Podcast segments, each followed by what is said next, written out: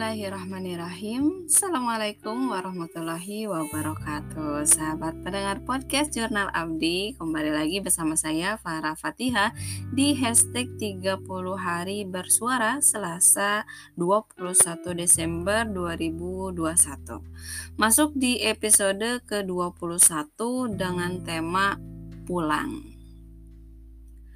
Pulang dalam lagi-lagi ya dalam kamus besar bahasa Indonesia memiliki arti pergi ke rumah atau ke tempat asalnya, kembali ke atau balik ke. Nah, salah satu contohnya contoh kalimatnya bila engkau pulang ke Semarang, nah, sudah tengah malam, ia belum juga pulang atau pulang kepada istri pertamanya dalam artian rujuk dengan istrinya yang pertama.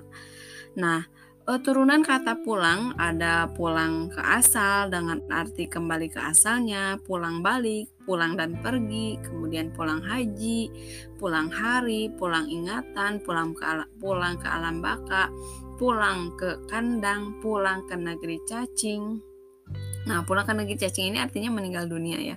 Kemudian pulang kepada gitu ya, jatuh kepada gitu, kepada pulang kepadamu, pulang ke rahmatullah, pulang maklum, pulang modal dan masih banyak lagi. Belum lagi kata pulang yang berimbuhan ber kemudian me kemudian pe, kemudian ke dan seterusnya.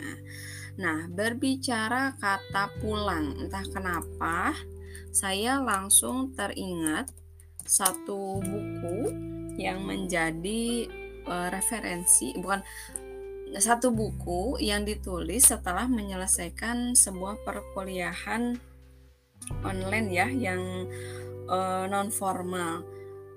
Kata pulang otomatis ketika saya tahu kata uh, ketika saya mengetahui judul episode ini eh tema episode ini adalah pulang maka saya langsung teringat pada buku femininitas jalan pulang fitrah bunda. Nah uh, selain pulang yang digaris bawahi di sana ada kata fitrah. Apa sih fitrah? Fitrah itu adalah sifat asal kesucian bakat pembawaan. Nah, kalau misalnya tadi fitrah itu adalah sifat asal, entah kenapa menurut hemat saya, fitrah yang artinya sifat asal itu hampir sama definisinya dengan artian kembali ya pulang. Jadi ada irisannya gitu antara fitrah dan pulang. Nah, lalu kenapa sih buku itu menuliskan tentang femininitas jalan pulang fitrah bunda? Terhitung abad ke-20 yang materi ini saya dengar uh, sekitar tahun 2018 entah 2017 dan sampai saat ini saya masih ingat itu um, materi ya materi ceramah dari Ustadz Aad. Beliau mengatakan bahwa terhitung abad ke-20 para orang tua sudah banyak yang meninggalkan rumahnya. Karena abad ke-20 masuk di era industri di mana uh, semua orang butuh apa ya istilahnya butuh bertahan hidup gitu ya karena di era industri itu tadi. Kemudian orang tua yang hidup di zaman industri dan seorang anak yang hidup di zaman industri uh, orang tua ini memiliki inisiatif ya udahlah anaknya titipkan saja gitu ya sampai akhirnya orang tua ini baik ayah ataupun ibu entah keduanya itu lebih memilih ya sebagian mungkin ya lebih lebih banyak pada saat itu lebih memilih menitipkan anaknya dibanding dididik oleh mereka sendiri. Nah, perginya seorang wanita untuk bekerja, kemudian dengan rutinitas yang rutin dan lain sebagainya, itu membuat fitrah femininitasnya atau fitrah keibuannya itu terkikis. Itu. Kemudian eh, para wanita ini merasa bahwa saya hari ini, saya saat ini juga gitu ya mencari nafkah gitu untuk keluarga dan dari uh, rutinitas yang rutin itu dalam buku Femininitas Jalan Pulang Fitrah Bunda pun dijelaskan bahwa rutinitas yang terus berulang seperti itu lambat laun akan mengikis fitrah kebundaannya. Kemudian kenapa sih gitu ya seorang bunda harus pulang harus kembali kepada fitrahnya karena ketika peran orang tua dua-duanya maskulin maka kita tidak akan pernah menemukan lagi peradaban yang penuh dengan kelembutan peradaban yang penuh dengan kasih sayang peradaban yang penuh dengan toleransi dan seterusnya gitu ya. Ketika orang tua atau ya orang tua hanya bisa memberikan sisi maskulinitas tapi tidak dengan sisi femininitas, maka di muka bumi ini tidak ada lagi uh, apa ya orang mungkin ya yang tergerak untuk menjaga alam, melestarikan lingkungan, kemudian um, mungkin gitu ya menolong sesama dengan sukarela dan lain sebagainya. Karena jelas secara fitrah Eh, laki-laki uh, itu maskulin, perempuan itu feminin dan itu kan punya perannya masing-masing. Dan gitu ya, buruknya ketika keluarga tidak bisa memberikan sisi maskulin dan feminin kepada anak, itu uh, akan ada banyak kejadian di luar fitrah kemanusiaan. Artinya, ketika fitrah salah satu fitrah kita ada yang rusak, maka akan ada tatanan kehidupan lainnya juga yang rusak. Salah satunya, misalnya gini, uh, si ibu tergerus femi feminitasnya ya, femininnya gitu, tergerus fitrah keibuannya. Lalu uh, si ibu ini lebih sering, lebih dominan menampilkan sisi maskulinnya. Nah akhirnya uh, yang dicontoh dari anaknya bahwa oh menjadi apa ya menjadi manusia itu harus tegas uh, tidak ada toleransi tidak usah berkasih sayang tidak usah berlemah lembut dan lain sebagainya karena si anak itu hanya menerima didikan dari orang yang maskulin sekalipun itu datang dari ibunya kemudian uh, di sisi lain gitu ya uh, dengan serangkaian kejadiannya dengan serangkaian apa ya istilahnya uh, peristiwa-peristiwanya gitu ya. Ketika kehidupan ini tidak seimbang dan tidak saling mengisi antara maskulinitas dan femininitasnya, maka eh, perilaku LGBT itu akan menjadi sesuatu yang lumrah gitu ya, sesuatu yang biasa saja gitu. Eh, apa kaitannya maskulinitas yang dominan ataupun sebaliknya ini juga bisa jadi dipengaruhi dari pola asuh. Mungkin salah satunya adalah peran ayah yang hilang, fatherless country, kemudian eh, apa tidak hadirnya ibu selama masa menyusui, misalnya selama penuh selama menyusui penuh dua tahun tidak hadir ibunya, kemudian tujuh tahun pertama misalnya anak harus kehilangan salah satu orang tuanya. Nah, ini kan eh, anak itu harus diisi sisi femininitasnya, sisi maskulinitasnya. Sekalipun misalnya gini, ini anak laki-laki. Emang yang lebih dominan adalah sisi maskulinitasnya.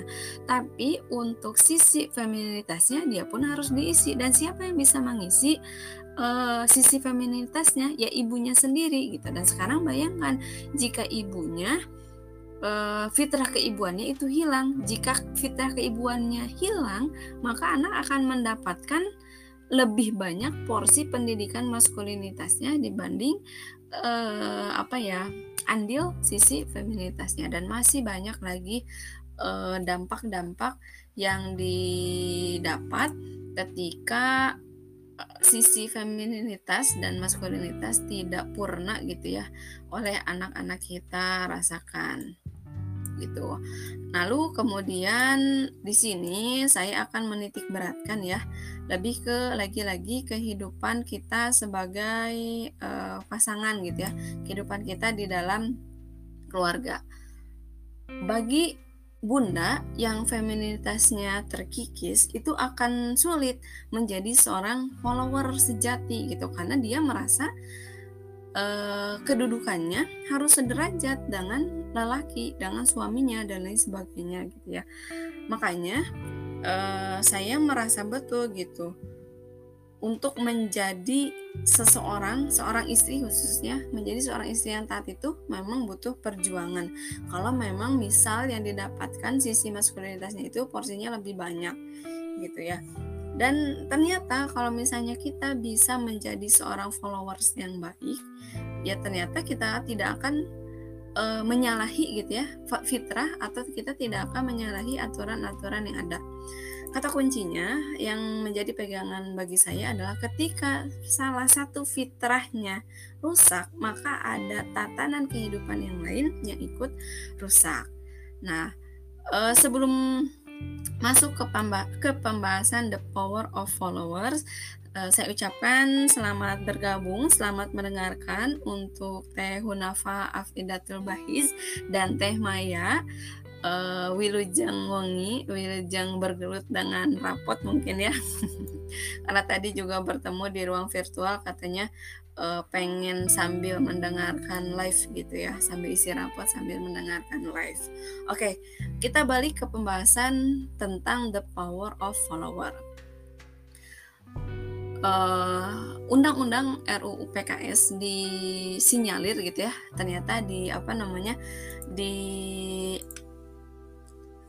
apa ya istilahnya ditunggangi oleh kaum kaum feminis Nah, gerakan feminis dan emansipasi wanita pada saat ini gitu ya, seolah menjadi pembenaran publik bahwa wanita tidak pantas menjadi seorang pengikut.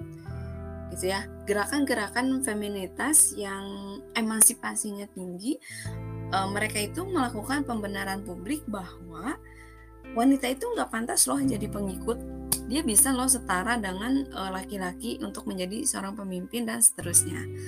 Bagi pegiat femini feminisme dan emansipasi ini, mereka beranggapan bahwa kedudukan wanita bisa sejajar bahkan bisa lebih atas dari laki-laki. Contohnya saja gitu ya, dalam dunia perkantoran tapi kalau misalnya dalam dunia perkantoran mungkin masih wajar ya ada atasan perempuan, tapi bukan atasan yang utama gitu ya. Uh, tapi jika si hasrat femini, feminisme ini atau hasrat emansipasi wanita ini ada dalam keluarga, nah apalagi keluarga muslim, kita diminta mohon segera periksa kembali gitu. Apakah benar konsep emansipasi khususnya gitu ya? Uh, apa apa benar-benar cocok gitu ya konsep emansipasi wanita ini berada dalam sebuah keluarga muslim gitu. Dan e, bagi mereka gitu ya yang punya prinsip feminisme ini ya mereka akan sulit gitu untuk menjadi seorang followers. Dan kalau ada ya sebuah pepatah sebuah nasihat atau sebuah quotes e, mengatakan bahwa Ketika peran suami atau istri tidak berjalan di rumah, maka tunggulah kehancuran sebuah keluarga, termasuk di dalamnya istri sebagai seorang follower gitu. Ketika dia tidak bisa menjadi seorang makmum yang baik, tidak bisa menjadi seorang followers yang baik, maka siap-siap saja gitu ya. Eh, kehancuran dalam keluarga itu akan tercipta. Baik misalnya kehancuran dari mulai sisi ekonomi, dari segi istilahnya mengambil keputusan dan lain sebagainya. Bahkan pernah juga saya mendapatkan nasihat bahwa ketika seorang istri tidak bisa menjaga auratnya itu bisa banget mempengaruhi rezeki yang keluarganya dapatkan. Nah, artinya si istri kan tidak menjalankan ketaatan gitu. Uh, kemudian uh, ada juga kan ya hadis yang direwayatkan uh, dalam hadis diterangkan bahwa istri itu harus mendapatkan restu atau izin dari suami. Sampai ada kisah yang uh, menceritakan kepada kita ketika suaminya pergi kemudian si istri ini tinggal di rumah lalu kemudian orang tuanya meninggal. Karena dia tidak dapat restu dari uh, suaminya dia tidak mendatangi jenazah ibunya dan seterusnya seterusnya gitu ya. Uh, seperti halnya sahabat pendengar ketahui. Nah kita balik lagi. Menjadi pengikut atau makmum tidak kalah keren dari menjadi pemimpin atau imam. Para gerakan feminisme ini mengatakan bahwa gak keren gitu jadi makmum itu, yang keren itu jadi pemimpin gitu. Padahal menjadi makmum itu tidak kalah kerennya loh daripada menjadi pemimpin gitu. Dan ternyata eh, apa yang ada seninya itu tidak hanya seni memimpin, tapi harus ada juga seni dipimpin. Karena yang paling sulit itu adalah seni dipimpin. memimpin itu sudah banyak teorinya, sudah banyak istilahnya kalau ya orang yang punya jiwa pemimpin dia akan cenderung lebih mudah memimpin sesuatu. Tapi kalau misalnya dia punya jiwa pemimpin lalu kemudian di apa ya ditakdirkan untuk menjadi seorang yang dipimpin atau makmum nah itu butuh keahlian sendiri gitu. Butuh ke effort gitu ya butuh effort biar dia bisa menjadi seorang pengikut yang baik Nah, dalam keluarga, suami adalah imam, sedangkan istri adalah makmum. Jelas ya. Dan ini prinsip keluarga muslim itu seperti itu gitu. Nah, yang akan kita bahas lebih lanjut adalah bagaimana caranya agar kita seorang wanita, seorang ibu, seorang istri bisa menjadi follower atau seorang makmum gitu ya. Gimana nih caranya? Sebelum kita cari tahu gitu ya bagaimana kita telaah dulu bagaimana fitrah wanita dalam Islam. Nah, fitrah wanita dalam Islam kaum perempuan di muslim gitu ya, kaum perempuan muslimin akan senantiasa terpimpin dan terlindungi seumur hidupnya. Jadi secara fitrah seorang perempuan itu kita gitu ya akan selalu terpimpin dan terlindungi seumur hidupnya gitu. Jadi nggak nggak nggak ada cerita gitu ya seorang perempuan menjadi pemimpin gitu. Kemudian eh, perempuan juga dijamin dilindungi seumur hidupnya. Islam memberi wali untuk perempuan selama hidupnya. Sebelum menikah walinya adalah ayahnya dan jika ayahnya tidak ada, maka paman dari ayahnya yang menggantikannya. Kemudian, jika tidak ada lagi, maka saudara laki-lakinya lah yang menjadi wali. Ketika seorang perempuan sudah menikah, maka walinya adalah suaminya. Jika suaminya tidak ada, maka anak laki-lakinya yang menjadi walinya. Jika tidak ada, maka negaralah yang menjadi walinya. Nah, Betul, gitu ya. Fitrah wanita itu terpimpin dan terlindungi seumur hidupnya. Yang tadi sudah saya sampaikan bahwa bagaimanapun kondisinya, kita selalu ada dalam kendali katakan ya, kendali seorang wali. Wanita itu akan selalu terpimpin, terlindungi dan akan selalu ada perlindungan. Negara sekalipun gitu ya akan menjadi perlindungan bagi seorang wanita. Melihat pesan ini, maka wanita adalah e, sebagai sebaik-baiknya maula. Dalam konsep pengikut, artinya akan ada yang diikuti. Jika diistilahkan gitu ya, akan ada konsep walayah, akan ada juga konsep maula. Dalam konsep walayah akan terjadi interaksi antara wali, pemimpin, dan maula yang dipimpin. Wali melindungi maula, maula mendukung wali. Nah, kita garis bawahi, wali melindungi maula, pemimpin melindungi yang dipimpin. Sedangkan maula yang dipimpin mendukung wali, maula mendukung pemimpinnya. Gitu. Jadi jangan sampai uh, ya upayakan gitu ya sebisa mungkin ketika kita menjadi seorang pengikut kita harus menjadi seorang maula yang mampu mendukung walinya. Jangan merasa terhina dengan para pendukung atau uh, apa kita jangan merasa terhina dengan peran kita sebagai pendukung atau supporter karena menjadi follower pun tadi dikatakan di awal butuh seni dan keahlian gitu seni mendengarkan kemudian seni untuk taat seni untuk menahan uh, ego dan lain sebagainya. Walayah itu adalah hubungan timbal balik antara pelindung dan pendukung. Jadi kalau ada yang dilindungi, harus ada yang mendukung. Kalau ada yang mendukung, nah harus ada yang melindungi si pendukung ini. Semakin buruk dukungan yang diberikan oleh seorang wanita, semakin buruk pula perlindungan yang wanita dapatkan. Nah, ini ya yang tadi saya uh, sampaikan juga di awal. Jika seorang wanita buruk memberi apa ya? dukungan gitu ya. maka dia pun akan mendapatkan buruknya sebuah perlindungan. Uh, ini uh, cukup membuat saya apa ya terbelalak lah gitu ya.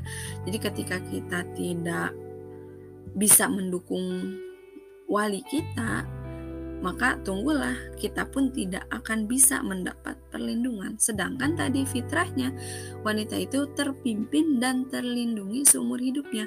Kalau kita tidak bisa menjadi maula yang baik, tidak akan ada yang memimpin kita, tidak ada pula yang melindungi kita. Intinya jangan mengharapkan perlindungan jika kita tidak memberikan dukungan. Fenomena saat ini banyak orang yang hobi menjadi pemimpin namun tidak siap menjadi pengikut. Dan yang menjadi permasalahan besarnya adalah ketika seorang wanita memiliki wali tapi ia tidak mau taat terhadap walinya. Minimnya keahlian followership ya, minimnya keahlian menjadi makmum, menjadi pengikut membuat satu gerakan mudah terpecah gitu ya. Kemudian akan selalu terjadi arogansi gitu ya dalam hubungan timbal balik itu akan terjadi e, arogansi untuk membuat gerakan baru saat satu golongan tidak mau dipimpin ada golongan ini. Kemudian tidak bisa saling memimpin. Pindah lagi cari lagi golongan baru buat lagi golongan baru. Karena dia tidak mau dipimpin. Nah e, selanjutnya setelah kita E, menelaah sedikit ya tentang fitrah wanita dalam Islam, maka kita lihat bagaimana ketaatan seorang istri dalam uh, fitrah gitu ya, fitrah seharusnya. Hidup itu pada esensinya adalah berbuat taat. Islam memiliki arti berserah diri, taat pada aturan Allah Kekuatan seorang wanita ada pada telinganya, begitu juga pada kelemahannya. Telinga akan tersambung dengan hati. Makanya ini pas saya dapat teori ini gitu ya, dapat uh, definisi ini, saya langsung evaluasi diri gitu ya. Karena saya tipe orang yang cenderung auditori. Nah, saya punya kekuatan di sini gitu, tapi kekuatan saya di mendengarkan itu sekaligus kelemahan yang saya punya karena dari telinga gitu ya akan tersambung dengan hati dan secara fitrah mungkin ya eh, dalam buku femininitas jalan pulang fitrah bunda secara fitrah ketaatan seorang istri itu bermula dari bagaimana cara dia menggunakan telinganya bagaimana cara dia mendengar sebuah uh, perintah dan lain sebagainya gitu ya. Dan dari telinga itu dari perintah itu akan tersambung dengan hati. Uh, kita juga sering mendengar ya uh, sebuah ayat penggalan ayat gitu ya yang berbunyi sami na wa na Nah, pasangan mendengar sami'na adalah taat wa atokna. Sami'na wa atokna, kami dengar dan kami taat. Untuk melatih ketaatan, latihlah pendengaran kita gitu. Untuk tadi ya, untuk kembali kepada femininitas kita sebagai seorang followers yang baik, untuk melatih ketaatannya ya latihlah pendengaran kita karena telinga mampu menumbuhkan kekuatan dari taat. Ketika telinga sudah bisa kita fungsikan dengan baik, maka ketaatan itu akan hadir Begitu juga rasa percaya yang kita miliki akan menghasilkan taat gitu. Jadi dari kita sering mendengar, kemudian kita uh, menghubungkan ke, uh, ke ketaatan itu dengan kekuatan yang kita miliki, lalu kemudian uh, ditambah juga dengan rasa percaya. Nah, nanti hasilnya insya Allah kita akan bisa uh, berbuat taat. Apa yang suami kita bicarakan?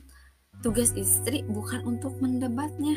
Karena tadi di awal ya samina watona apa yang suami kita bicarakan? Tugas istri bukanlah untuk mendebatnya. Tugas istri hanya mentaatinya atau memberinya masukan. Misalnya ketika uh, katakanlah ya hmm, ada momen gitu ya itu bisa terjadi perdebatan maka tugas istri uh, hanya apa ya hanya mencoba gitu ya untuk memberi masukan. Kalau misalnya tidak bisa langsung taat, kita boleh memberikan sebuah masukan. Lalu ketika masukan itu sudah disampaikan, jangan membuat keputusan. Karena tugas mengambil keputusan itu adalah tugas seorang istri. Walaupun tadi ya dikatakan bahwa mendengar itu sekaligus jadi ujian. Karena ketika uh, kita gitu ya menyampaikan sebuah masukan, biasanya fitrah perempuan itu ingin segera tahu apa keputusannya. Nah, sedangkan suami secara fitrah atau seorang laki-laki secara fitrah tidak seperti itu. Nah, tak usah berkecil hati ketika kan tadi ya ketika kita mencoba untuk menatinya tapi melalui jalur memberikan masukan dan lain sebagainya dan tugas mengambil keputusan adalah suami. Nah, tugas kita selanjutnya adalah Jangan berkecil hati jika keputusan suami membuat kita tidak nyaman, karena ada keberkahan dalam sebuah ketaatan. Nah, ini yang jadi hmm, poinnya gitu ya.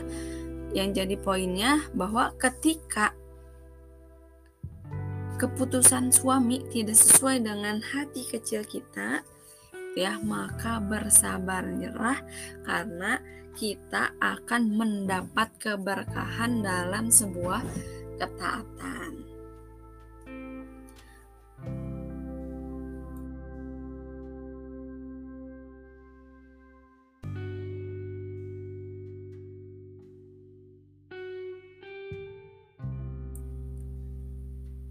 Mohon maaf, uh, kita lanjutkan. Dalam ketaatan, kita perlu mengasah seni followership.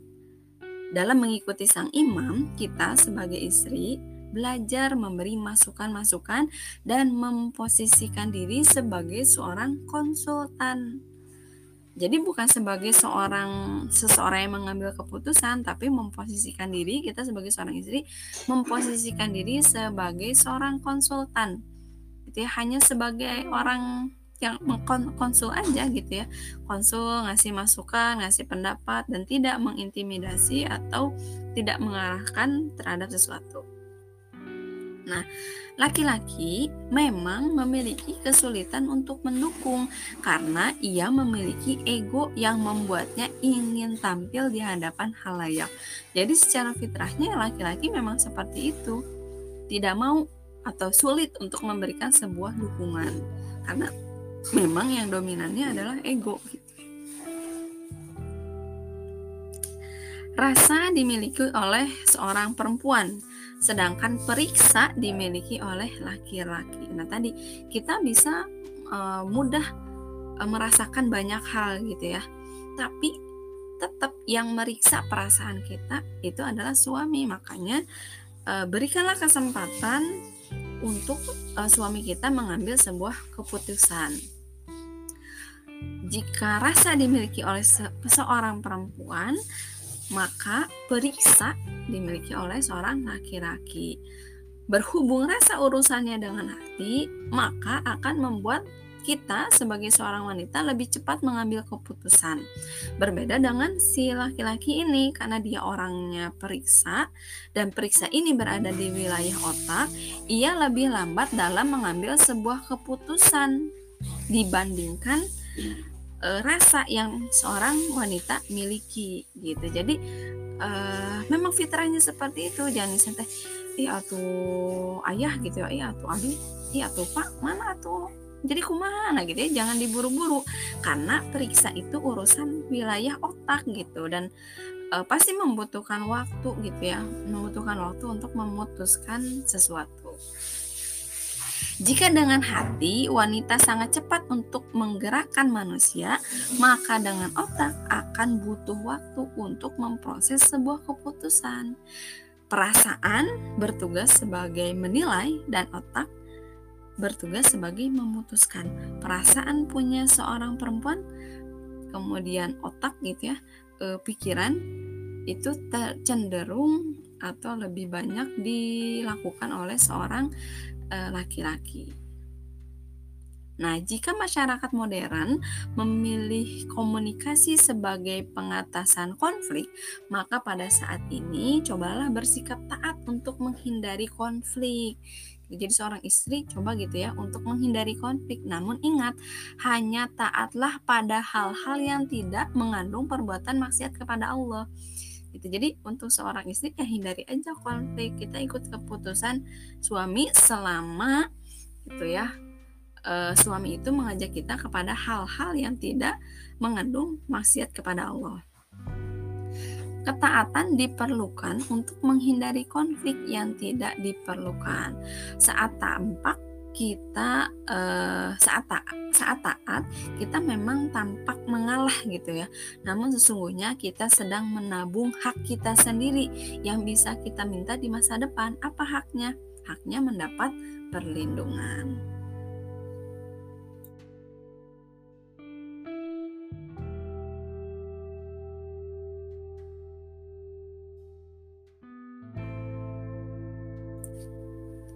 Nah, yang dinamakan taat itu artinya kita perlu menyetujui pendapat orang lain, lalu menyempurnakannya dengan pendapat kita sendiri. Dan ini adalah sebuah proses interaksi dalam walayah. Maula berperan sebagai seorang konsultan yang menggunakan pertanyaan untuk membantu wali menggunakan kemampuannya memeriksa sebelum dia mengambil sebuah keputusan gitu. Jadi uh, kata kuncinya posisikan diri sebagai konsultan dan gunakan kalimat tanya untuk membantu sang wali uh, memeriksa sebelum mengambil sebuah keputusan. Taat itu lawannya maksiat. Maksiat artinya membangkang.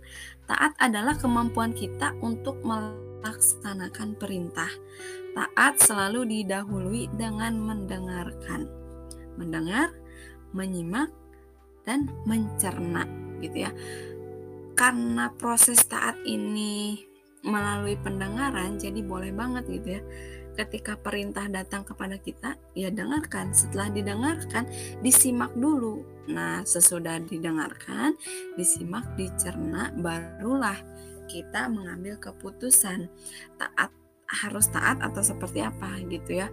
Apakah uh, yang disampaikan seorang wali itu adalah uh, sesuatu yang baik dan tidak bermaksiat kepada Allah? Maka jika tidak bermaksiat pada Allah maka ya kita tinggal taat. Kata taat itu berkata ya seninya ada pada bertanya bukan menjawab. Lakukan taat suka maupun terpaksa Nah, ini yang saya suka ya di kalimat akhir. Taat itu berkata ya. Seninya ada pada bertanya, bukan menjawab. Lalu kemudian lakukan taat supaya kita uh, mampu melakukan sesuatu tanpa merasa terpaksa. Oke, uh, itu saja mungkin episode kali ini cukup apa ya cukup cukup mungkin ya uh, cukup panjang juga kemudian tidak tapi juga tidak terlalu lama. Mungkin itu tentang tema pulang yang lebih ingin diajak hayu gitu ya yang lebih ingin dihayuin gitu supaya uh, para wanita pulang kembali ke fitrahnya. Ini ada respon dari Teh Hunafa katanya suaranya hilang Teh tadi sekitar jam 19.55. Uh, itu nggak tahu beneran hilang nggak tahu saya mute dulu ya karena uh, beberapa kali ada iklan. Itu saja mungkin Teh Hunafa, Teh Maya dan sahabat pendengar podcast Jurnal Abdi yang menyimak siaran uh, ulangnya uh, mohon maaf jika memang tadi sedikit atau banyak uh, bernada gitu ya lebih banyak bernada uh, perintah atau seperti apa tidak bermaksud gitu ya. Tapi karena ini adalah sebuah seruan gitu ya untuk kembali pulang mungkin tadi bahasanya seperti uh, apa ya nasihat bukan nasihat bahasanya seperti seruan yang memaksa atau menggurui. Mohon maaf. E, intinya diambil saja pelajarannya diambil saja e, manfaatnya. E, mari kita kembali menuju fitrah sama-sama uh, memperbaiki tatanan kehidupan ini sebelum sampai akhirnya benar-benar rusak. Kalau bukan dimulai dari kita, lalu dari siapa lagi? Kalau bukan dimulai dari keluarga kita, lalu akan lalu dengan siapa lagi kita akan berjuang. Uh, dicukupkan saja sekian. Mohon maaf atas segala kekurangannya. Ditutup saja dengan hamdalah. Alhamdulillah hirabil alamin. Assalamualaikum warahmatullahi wabarakatuh. Hidup untuk berbuat berbuat untuk bermanfaat